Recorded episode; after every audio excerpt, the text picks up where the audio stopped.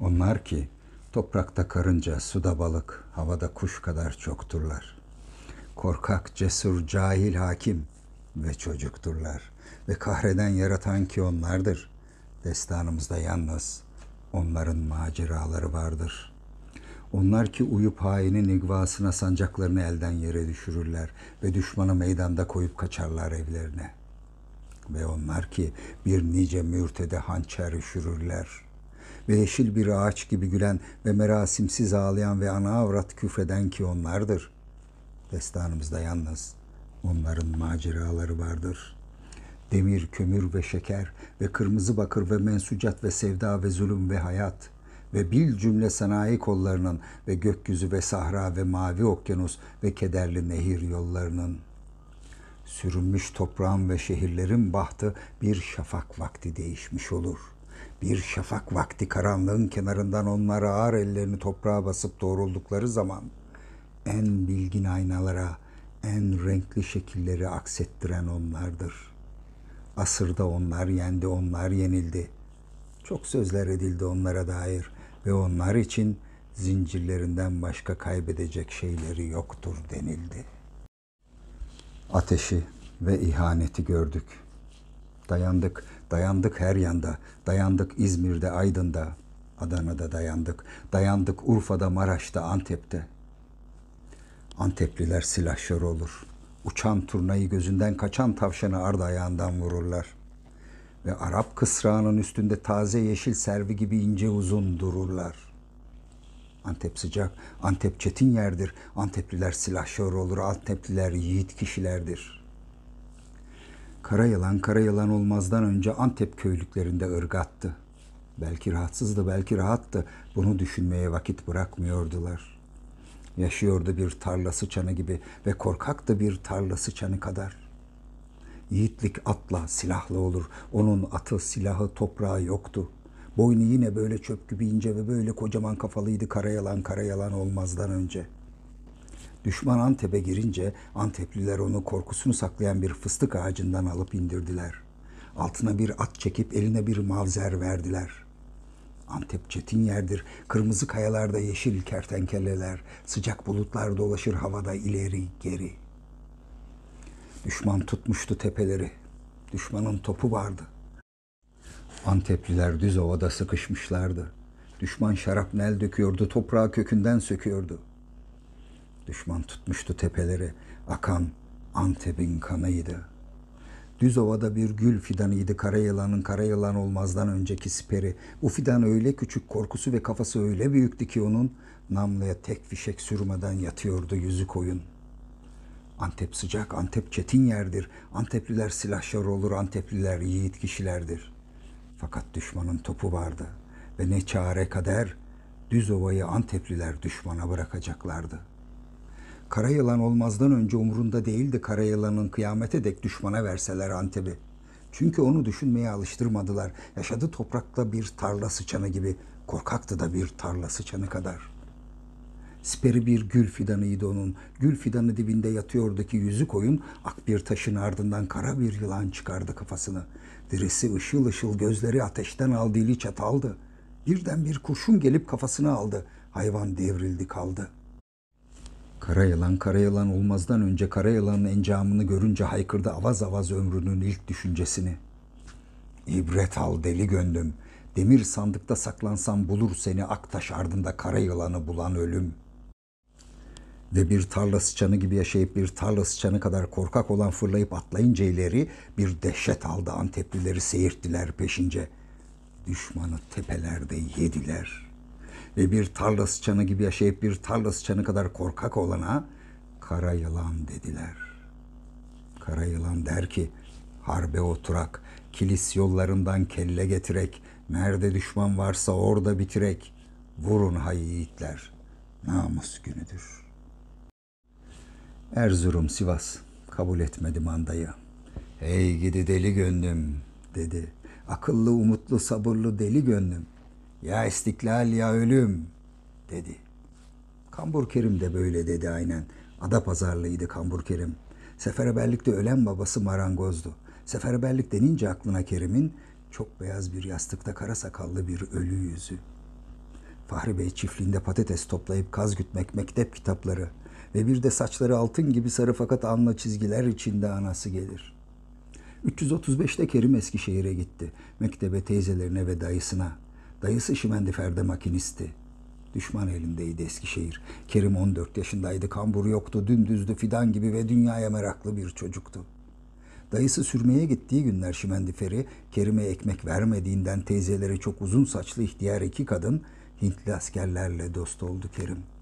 Bunlar şaşılacak şey Türkçe bilmeyen ve siyah sakalları siyah gözleri parlak, avuçlarının üstü esmer içi ak ve tel örgülerin üzerinden Kerim'e bisküviti kutularla atan amcalardı. Kocaman bir ambarları vardı. Kerim içinde oynardı. Ambarda nohut çuvalları, bakla, kuru üzüm. Şaşılacak şey katırların yemesi için. Ve sonra cephane sandıklarıyla silahlar. Bir gün dedi ki makinist dayısı Kerim'e ambardan silah çalıp bana getir. Gavura karşı koyan zeybeklere göndereceğim. Ve ambardan silah çaldı Kerim. Bir, bir tane daha, beş, on. Aldattı Hindistanlı dostlarını zeybekleri daha çok sevdiğinden. Zaten çok sürmedi. Parlak kara sakallı amcalar gitti. Geçirdi Kerim onları istasyona kadar. Ertesi gün Lefke Köprüsü'nü atıp zeybekler gelince Eskişehir'e dayısı Kerim elinden tutup verdi onlara. Ve işte o günden sonra bugüne kadar kahraman bir türküdür ömrü Kerim'in. Eskişehir'den alıp onu Kocaeli grubu paşasına götürdüler. Çatık kaşlı yüzü gülmez bir paşaydı bu. Çabucak öğrendi Kerim ata binmeyi, sırtmaç olmayı. Zaten bilgisi vardı bunda. Kayalardan genç bir keçi gibi inmeyi, gizlenmeyi ormanda ve bütün bu marifetleriyle Kerim kaç kere ölüme bir kurşun atımı yaklaşarak ve geçmiş olsun dedikleri zaman şaşarak düşman içinden geçip getirdi haber, götürdü haber. Onun namlı bir kaptan gibi saydı çeteler, bir oyun arkadaşı gibi sevdi çeteleri o ve bir fidan gibi düz bir fidan gibi cesur bir fidan gibi vaat eden bir çocuğun sevinçle oynadığı bu müthiş oyun sürdü 1337'ye kadar. Kocaeli ormanı gürgen ve meşeliktir. Yüksek, kalın, gökyüzü gözükmez. Durgun bir geceydi. Hafif yağmur yağmıştı biraz önce. Fakat ıslanmamış ki yerdeki yapraklar karanlıkta hışırtılarla yürüyordu beygiri Kerim'in.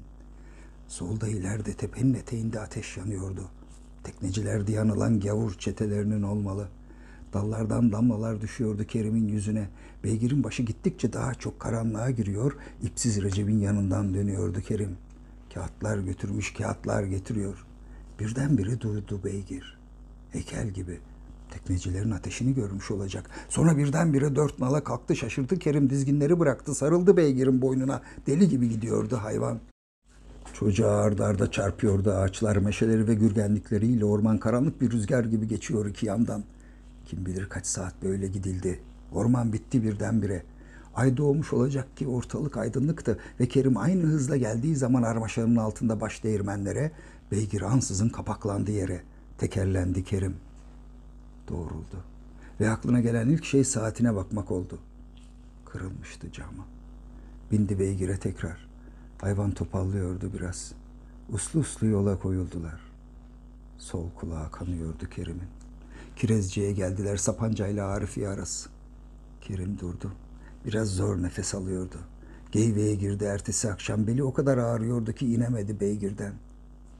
İndirdiler. Kerim'i bir yaylıya bindirdiler. Ada pazarı.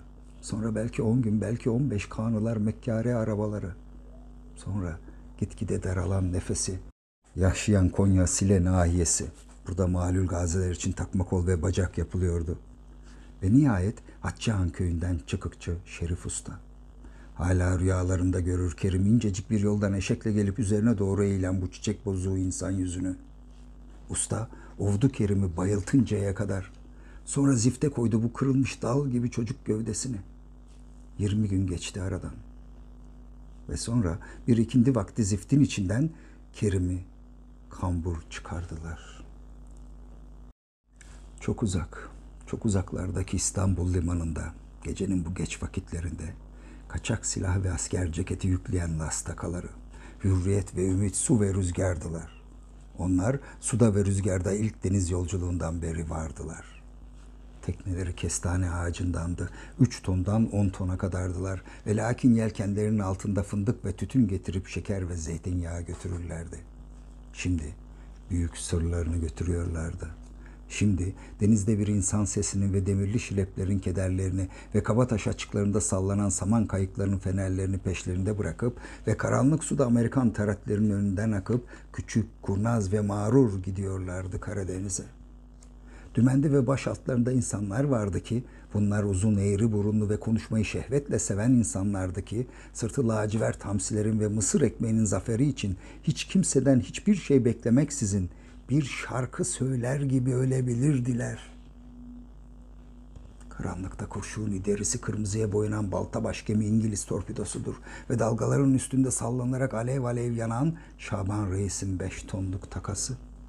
Kerempe fenerinin 20 mil açığında gecenin karanlığında dalgalar minare boyundaydılar ve başları bembeyaz parçalanıp dağılıyordu. Rüzgar, Yıldız, Poyraz esirlerini bordasına alıp kayboldu İngiliz torpidosu. Şaban Reis'in teknesi ateşten direğiyle gömüldü suya. Arhaveli İsmail bu ölen teknedendi. Ve şimdi Kerempe fenerinin açığında batan teknenin kayığında emanetiyle tek başınadır. Fakat yalnız değil, Rüzgarın, bulutların ve dalgaların kalabalığı İsmail'in etrafında hep bir ağızdan konuşuyordu. Arhaveli İsmail kendi kendine sordu. Emanetimizle varabilecek miyiz? Kendine cevap verdi. Varmamış olmaz. Gece tophane rıhtımında kamacı ustası Bekir Usta ona evladım İsmail dedi. Hiç kimseye değil dedi. Bu sana emanettir. Ve Kerem Pefener'inde düşman projektörü dolaşınca takanın yelkenlerinde İsmail Reis'inden izin isteyip Şaban Reis deyip emaneti yerine götürmeliyiz deyip atladı takının patalyasına açıldı. Allah büyük ama kayık küçük demiş Yahudi. İsmail bodoslamadan bir sağanak yedi bir sağanak daha peşinden üç kardeşler. Ve denizi bıçak atmak kadar iyi bilmeseydi eğer alabora olacaktı. Rüzgar tam kerte yıldıza dönüyor. Ta karşıda bir kırmızı damla ışık görünüyor. Sivastopol'a giden bir geminin sancak feneri. Elleri kanayarak çekiyor İsmail kürekleri. İsmail rahattır kavgadan ve emanetinden başka her şeyin haricinde. İsmail unsurunun içinde. Emanet bir ağır makinalı tüfektir ve İsmail'in gözü tutmazsa liman reislerini ta Ankara'ya kadar gidip onu kendi eliyle teslim edecektir. Rüzgar bocalıyor. Belki karayel gösterecek. En azdan 15 mil uzaktır en yakın sahil. Fakat İsmail ellerine güvenir.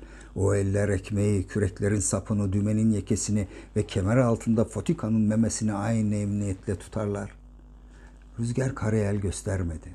Yüz kerte birden atlayıp rüzgar bir anda bütün ipleri bıçakla kesilmiş gibi düştü. İsmail beklemiyordu bunu. Dalgalar bir müddet daha yuvarlandılar teknenin altında. Sonra deniz dümdüz ve simsiyah durdu. İsmail şaşırıp bıraktı kürekleri. Ne korkunçtur düşmek kavganın haricine. Bir ürperme geldi İsmail'in içine ve bir sandal gibi ürkerek bir sandal, bir çift kürek ve durgun ölü bir deniz şeklinde gördü yalnızlığı. Ve birdenbire öyle kahrolup duydu ki insansızlığı yıldı elleri. Yüklendi küreklere, kırıldı kürekler. Sular tekneyi açığa sürüklüyor. Artık hiçbir şey mümkün değil. Kaldı ölü bir denizin ortasında kanayan elleri ve emanetiyle İsmail. İlk önce küfretti. Sonra elham okumak geldi içinden. Sonra güldü. Eğilip okşadı mübarek emaneti. Sonra, sonra malum olmadı insanlara Arhaveli İsmail'in akıbeti. Kardeşim, sana bu mektubu Ankara'da kuyulu kahvede yazıyorum. Hep aynı Anadolu havalarını çalıyor gramofon, kocaman bir boru çiçeğine benzeyen ağzıyla. Dışarıda yağmur. Mektepten istifa ettim. Cepheye gidiyorum. İhtiyaç zabitliğiyle. Çocuklarımıza Türkçe okutmak, öğretmek, sevdirmek onlara dünyanın en diri, en taze dillerinden birini, kendi dillerini güzel şey, büyük şey. Fakat bu dilin insanları için çakmak çalmak cephede daha büyük, daha güzel. Biliyorum, iş bölümünden bahsedeceksin.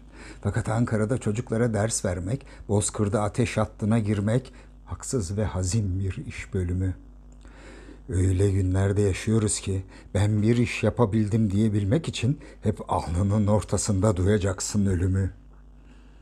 Bak, tam sana bunları yazarken asker geçiyor sokaktan. Yağmurda harap postallarının beşini ıslatarak meclisin önüne doğru iniyorlar. İstasyona gidecekler ve türkü söylerken her nedense her zaman yaptığı gibi sesini incelterek marş okuyor genç Türk köylüsü. Ankara'nın taşına bak Gözlerimin yaşına bak Yüzleri mühim, dalgın ve yorgun, tıraşları uzamış biraz, elleri büyük ve esmer, ela gözlüler, kara gözlüler, mavi gözlüler. Yine birdenbire Yunus Emre geldi aklıma. Başka türlü anlıyorum ben Yunus'u. Bence onda bütün bir devir dile gelmiş Türk köylüsü. Öte dünyaya dair değil, bu dünyaya dair kaygılarıyla. Bir şiir yazdım, garip bir şiir Türk köylüsü diye. Bir tuhaf mı oluyor böyle günlerde şiir yazmak? Her ne halise hoşça kal, gözlerinden öperim kardeşin Nurettin Eşfak. Türk köylüsü. Topraktan öğrenip kitapsız bilendir. Hoca Nasreddin gibi ağlayan, Bayburtlu zihni gibi gülendir. Ferhat'tır, Kerem'dir ve Keloğlan'dır. Yol görünür onun garip serine. Analar babalar umudu keser, kahpe felek ona eder oyunu. Çarşambayı sel alır, bir yer sever el alır. Kanadı kırılır çöllerde kalır. Ölmeden mezara koyarlar onu.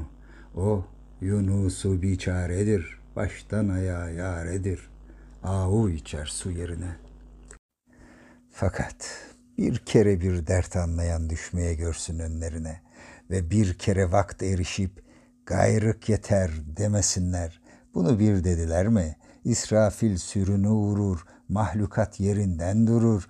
Toprağın nabzı başlar onun nabızlarında atmaya. Ne kendi nefsini korur, ne düşmanı kayırır.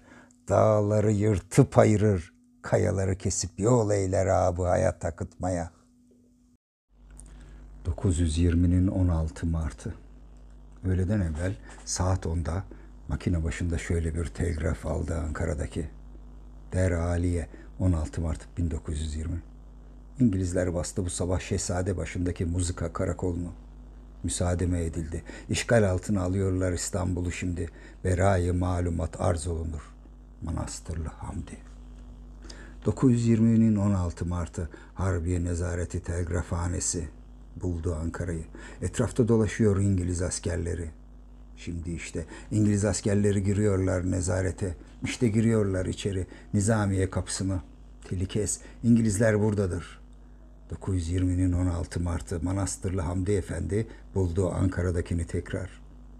Paşa Hazretleri Harbiye Telgrafhanesini de işgal etti İngiliz Bahriye askeri. Tophaneyi de işgal ediyorlar bir taraftan. Bir taraftan da zırhlılardan asker ihraç olunuyor. Vaziyet vehamet kesbediyor efendim. Paşa Hazretleri emri devletlerine muntazırım. 16 Mart 1920 Hamdi 920'nin 16 Mart'ı durumu bir daha tekrar etti Hamdi Efendi.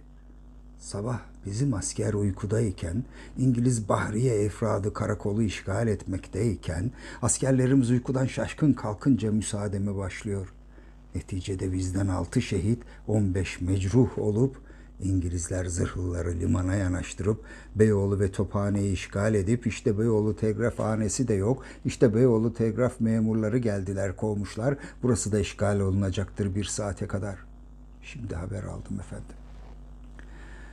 920'nin 16 Mart'ı uykuda kesti kafir üçümüzü. Kurşuna dizdi kafir ikimizi. İngiliz'in hepsi değil, domuzu. Sabaha karşı aldı canımızı. 920'nin 16 Mart'ı basıldı veznecilerde karargah. Uyan Betosunu uyan. Üçümüzü uykuda kesti kafir. Üçümüz Abdullah Çavuz, Şarkışla'dan Osman, bir de Zileli Abdülkadir. 920'nin 16 Mart'ı Bozdoğan kemerinde kurşuna dizdi kafir ikimizi. Ahmetoğlu Nasuh arkadaşımın adı. Reşadiyeli Velioğlu Mehmet benimkisi. 920'nin 16 Mart uykuda geçti kafir üçümüzü. Soktu Osman'ın karnına kasaturayı. Bastı göğsüne kafirin dizi. Dört çocuk babasıydı Abdullah Çavuş. Doymadı dünyasına Abdülkadir. Üçümüzü uykuda kesti kafir. Kurşuna dizdi ikimizi. 920'nin 16 Mart sabahı karakolun karşısında bırakmadım elimden silah. Yere serdim iki İngiliz'i. Senin ırzını kurtardım İstanbul'um sana can feda çakır gözlü gülüm. Üçümüzü uykuda kesti kafir kurşuna dizdi ikimizi. Şimdi üçümüz Abdullah ve Osman ve Abdülkadir taşları yan yana yatar Eyüp'te. Arama bulamazsın ikimizin kabrini. Belki Maşrık'ta belki Magrib'de biz de bilmeyiz yerini. Uykuda kestiler üçümüzü, kurşuna dizdiler ikimizi. Ahmetoğlu Nasuh arkadaşımın adı Reşadiyeli Velioğlu Mehmet benimkisi. Bir de altıncımız var. Kara kaytan bıyıklı bir şehit. Son mekanı şöyle dursun. Adını da bilen yok. Mehtaplı bir gece. Gümüş bir kutunun içindesin. Ortalık öyle bir tuhaf aydınlık, öyle ıssız. Ya çok seslidir ya hiç ses vermez mehtaplı gece zaten. Yatıyor filintasının arkasında kartallı Kazım. Kız gibi Osmanlı filintası parlıyor arpacık namlunun ucunda. Yüzyıllık yoldaymış gibi uzak ve bir damlacık. Kazım emir aldı merkezden. Gebze'deki İngiliz'in tercümanı vurulacak. Köylerde teşkilat kurmuş tercüman Mansur. Satıyor bizimkileri. Kazım iyi hesaplamış herifin geçeceği yeri. İşte sökün etti Mansur karşıdan. Beygirin üzerinde. Beygir yüksek, İngiliz kadanası. Kendi halinde yürüyor hayvan ortasında demir yolunun sallana sallana ağır ağır. Tercüman herhalde bırakmış dizginleri, başı sallanıyor. Belki de uyuyor üzerinde beygirin. Yaklaştıkça büyüyor herif. Zaten mehtapta heybetli görünür insan. Arada kaldı kalmadı 400 adım. Namlıyı kaldırdı birazcık Kazım. Nişan aldı sallanan başına Mansur'un. Soldaki yamaçtan bir taş parçası düştü. Bir kuş uçtu sağdaki ağaçtan. Ağaç çınar, kuş ürkmüş olacak. Çevrildi Kazım'ın başı kuşun uçtuğu yana. Mehtap'la yüz yüze geldiler. Mehtap koskocaman des değirmi bembeyaz ve Kazım'ın gözünü aldı adeta. Zaten bu yüzden tekrar göz gez arpacık ve filintayı ateşlediği zaman ilk kurşun Mansur'un başını delecek yerde galiba omzuna girdi. Herif hınk dedi bir. Beygir'in başını çevirdi dört nal kaçıyor. Yetiştirdi ikinci kurşunu Kazım. Beygir'in üstünde sola yıkıldı Mansur. Üçüncü kurşun tercüman düştü Beygir'den. Fakat bir ayağı üzengeye takılı kalmış. Sürüklendi kaçan hayvanın peşinde biraz. Sonra kurtuldu ki ayağı yıkılıp kaldı olduğu yerde. Yamaca sardı beygir. Kalktı Kazım. Yürüdü Mansur'a doğru. Üzerinden kağıtları alacak. Arada dört telgraf direği yalnız elişerden 200 metre eder. Mansur doğruldu ansızın. Kaçıyor bayır aşağı. Filintayı omuzladı Kazım dördüncü kurşun. Yıkıldı herif. Koştu Kazım. Doğruldu yine Mansur. Yürüyor sarhoş gibi sallanarak kaçmıyor artık yürüyor. Kazım da bıraktı koşmayı. Deniz kıyısına indiler. Orada boş bir fabrika var. Bir de beyaz bir ev. Tahta iskelesi iner denizin içine kadar. Mansur suya giriyor. Kağıtlar ıslanacak. Beşinci kurşunu yaktı Kazım. Suya düşüp kaldı önde giden. Ve Kazım tazelerken şarjörü bir ışık yandı beyaz evde. Bir pencere açıldı. Galiba bir kadın baktı dışarıya. Boğazlanmış gibi bağırdı Mansur. Pencere kapandı, ışık söndü. Tercüman attı kendini tahta iskeleye. Arda ayakları kırılmış bir hayvan gibi sürünüp tırmanıyor. Hay anasını. Ay da denize düşmüş. Toplanıp dağılıyor, dağılıp toplanıyor. Velhasıl lafı uzatmayalım. Mansur'un işini bıçakla bitirdi Kazım. Kağıtlar kan içindeydi. Fakat kan kapatmıyor yazıyı. Namussuzun biriydi Mansur. Muhakkak. Düşmana satılmıştı. Orası öyle. Kaç kişinin başını yedi.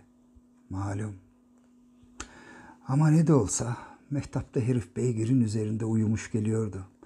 Demek istediğim böyle günlerde bile böyle bir adamı bile bu çeşit öldürüp ortalık durulduk da yıllarca sonra Mehtap'a baktığım vakit üzüntü çekmemek için ya insanda yürek dediğin taştan olacak yahut da dehşetli namuslu olacak yüreğin. Kazım'ınki taştan değildi çok şükür fakat namuslu. Ne malum dersen dövüştü pir aşkına yaralandı birkaç kere vesaire. Ve kavga bittiği zaman ne çiftlik sahibi oldu ne apartman. Kavgadan önce Kartal'da bahçıvandı. Kavgadan sonra Kartal'da bahçıvan. Dağlarda tek tek ateşler yanıyordu. Yıldızlar öyle ışıltılı, öyle ferahtılar ki şayak kalpaklı adam nasıl ve ne zaman geleceğini bilmeden güzel, rahat günlere inanıyordu. Ve gülen bıyıklarıyla duruyordu ki mavzerinin yanında birdenbire beş adım sağında onu gördü. Paşalar onun arkasındaydılar. O saati sordu. Paşalar üç dediler. Sarışın bir kurda benziyordu ve mavi gözleri çakmak çakmaktı. Yürüdü uçurumun başına kadar. Eğildi, durdu. Bıraksalar ince uzun bacakları üstünde yaylanarak ve karanlıkta akan bir yıldız gibi kayarak koca tepeden Afyon Ovası'na atlayacaktı. Saat 3.30. Halimur Ayvalı hattı üzerinde manga mevziindedir. İzmirli Ali Onbaşı kendisi tornacıdır. Karanlıkta göz yordamıyla sanki onları bir daha görmeyecekmiş gibi baktı manga efradına birer birer. Sağda birinci nefer sarışındı. İkinci esmer, üçüncü kekemeydi. Fakat bölükte yoktu onun üstüne şarkı söyleyen. Dördüncünün yine mutlak bulamaç istiyordu canı. Beşinci vuracak damcasını vurana tezkere alıp Urfa'ya girdiği akşam. Altıncı inanılmayacak kadar büyük ayaklı bir adam. Memlekette toprağını ve tek öküzünü ihtiyar ve muhacir karısına bıraktığı için kardeşleri onu mahkemeye verdiler. Ve bölükte arkadaşlarının yerine nöbete kalktığı için ona deli Erzurumlu dediler. Yedinci Mehmetoğlu Osman'dı. Çanakkale'de İnönü'nde Sakarya'da yaralandı. Ve gözünü kırpmadan daha bir hayli yara alabilir. Yine de dimdik ayakta kalabilir. Sekizinci İbrahim korkmayacaktı bu kadar bembeyaz dişleri böyle tıkırdayıp birbirine böyle vurmasalar. Ve İzmirli Ali Onbaşı biliyordu ki tavşan korktuğu için kaçmaz, kaçtığı için korkar. Sonra Sonra 31 Ağustos günü ordularımız İzmir'e doğru yürürken serseri bir kurşunla vurulan deli Erzurumluydu. Devrildi. Kürek kemiklerinin altında toprağı duydu. Baktı yukarı. Baktı karşıya gözleri hayretle yandılar. Önünde sırt üstü yan yana yatan postalları her seferkinden kocamandılar. Ve bu postallar daha bir hayli zaman üzerlerinden atlayıp geçen arkadaşların arkasından seyredip güneşli gökyüzünü, ihtiyar bir muhacir karısını düşündüler. Sonra, sonra sarsılıp ayrıldılar birbirlerinden ve deli Erzurumlu ölürken kederinden yüzlerini toprağa döndüler. Solda ilerideydi Ali Onbaşı kan içindeydi yüzü gözü. Bir süvari takımı geçti yanından dört nala. Kaçanı kovalamıyordu yalnız ulaşmak da istiyordu bir yerlere ve sadece kahretmiyor, yaratıyordu da. Ve kılıçların, nalların, ellerin ve gözlerin pırıltısı ardarda çakan aydınlık bir bütündü. Ali Onbaşı bir şimşek hızıyla düşündü ve şu türküyü duydu. Dört nala gelip uzak Asya'dan Akdeniz'e bir kısrak başı gibi uzanan bu memleket bizim. Bilekler kan içinde, dişler kenetli, ayaklar çıplak ve ipek bir halıya benzeyen toprak. Bu cehennem, bu cennet bizim. Kapansın el kapıları bir daha açılmasın. Yok edin insanın insana kulluğunu bu davet bizim. Yaşamak bir ağaç gibi tek ve hür ve bir orman gibi kardeşçesine. Bu hasret bizim. Sonra Sonra 9 Eylül'de İzmir'e girdik ve Kayserili bir nefer yanan şehrin kızıltısı içinden gelip öfkeden, sevinçten, ümitten ağlıya ağlıya güneyden kuzeye, doğudan batıya Türk halkı ile beraber seyretti İzmir rıhtımından Akdeniz'e. Ve biz de burada bitirdik destanımızı. Biliyoruz ki layığınca olmadı bu kitap. Türk halkı bağışlasın bizi. Onlar ki toprakta karınca, suda balık, havada kuş kadar çokturlar. Korkak, cesur, cahil, hakim ve çocukturlar. Ve kahreden yaratan ki onlardır. Kitabımızda yalnız onların maceraları vardır.''